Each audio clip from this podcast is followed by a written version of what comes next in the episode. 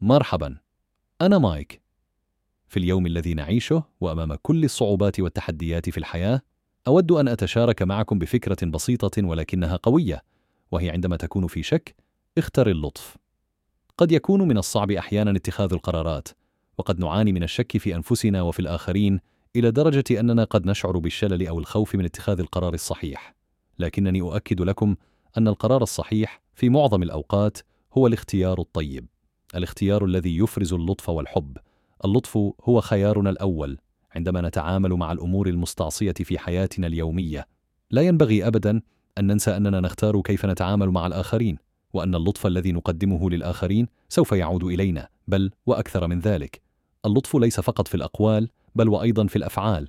اللطف هو أن نقدم المساعدة أن نتحلى بالصبر أن نصدق في الآخرين وأن نكون أكثر تفهما وتسامحا.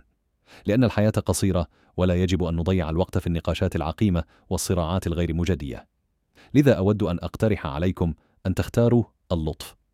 أعلم قد يكون ذلك صعبا في بعض الأوقات، ولكن الأمور الجديرة بالصراع والتضحية هي دائما الأمور الصعبة، فاللطف يمكن أن يغير الحياة، ليس فقط حياتك ولكن حياة الآخرين أيضا.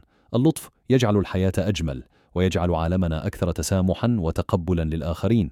لن نترك أي شخص خلفنا وسنحترم كل الناس بغض النظر عن خلفياتهم أو معتقداتهم.